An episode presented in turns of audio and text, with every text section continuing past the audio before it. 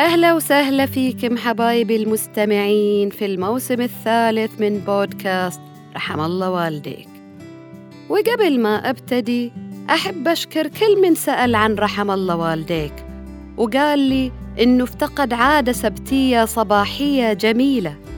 إن شاء الله الله يجعلها لنا عادة ويبارك لنا فيها.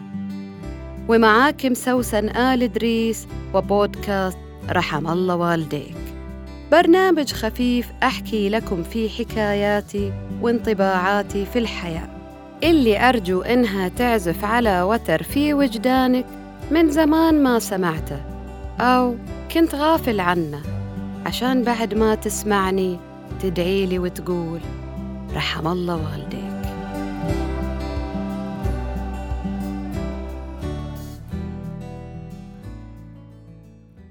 أنت ويش حجك؟ تعجبني المقاطع والمقابلات اللي يقابلوا فيها ناس ذوي احتياجات خاصة أو ظروف بلدهم صعبة أو إنهم حملوا المسؤولية من الصغر ومع ذلك قدروا يحققوا ذاتهم وأنجزوا أرقام قياسية أو حصدوا جوائز أو قدروا يحصلوا على شهادة تخرج رغم إعاقتهم وظروفهم و و.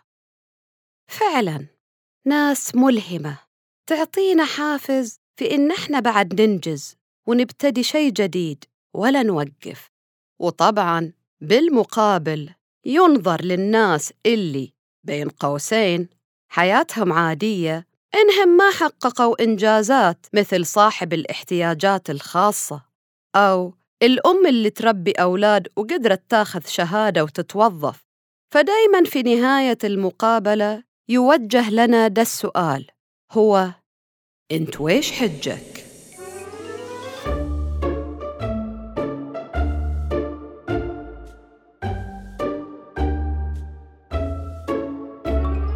لطالما كانت تستفزني بعض العبارات اللي يكون قصدها التحفيز وهي من داخلها للأسف لها أثر عكسي.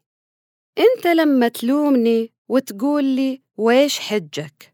تكون ظلمتني وظلمت الشخص اللي عنده ظرف خاص ومع ذلك أنجز. كيف؟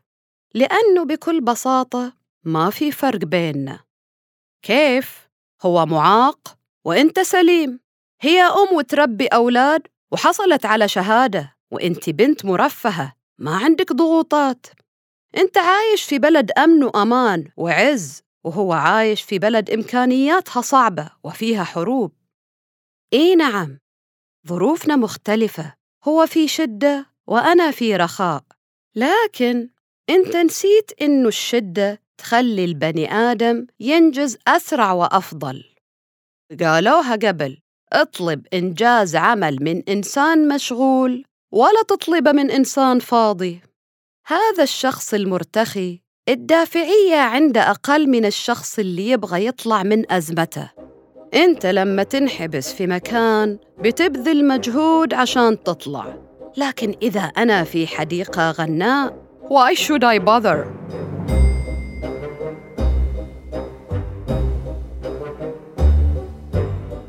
طيب هل هذا معناته دعوة منك إلى التكاسل؟ وإنه أصحاب الحالة المرفهة ما يقوموا بإنجازات؟ لا طبعاً. بس القصد إن الهمة عند البني آدم والرغبة في التطور موجودة عند الجميع سواء كنت معاق أو سليم.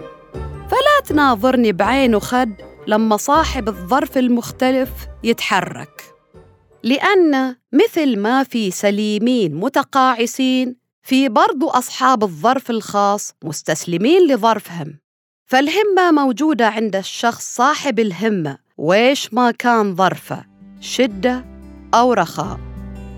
ونقول لكل من طور حياته وشغل عقله ولا ركن إلى طور الحياة الروتيني اللذيذ سواء كان في ظرف صعب أو في بحبوحة من العيش. رحم الله والديك.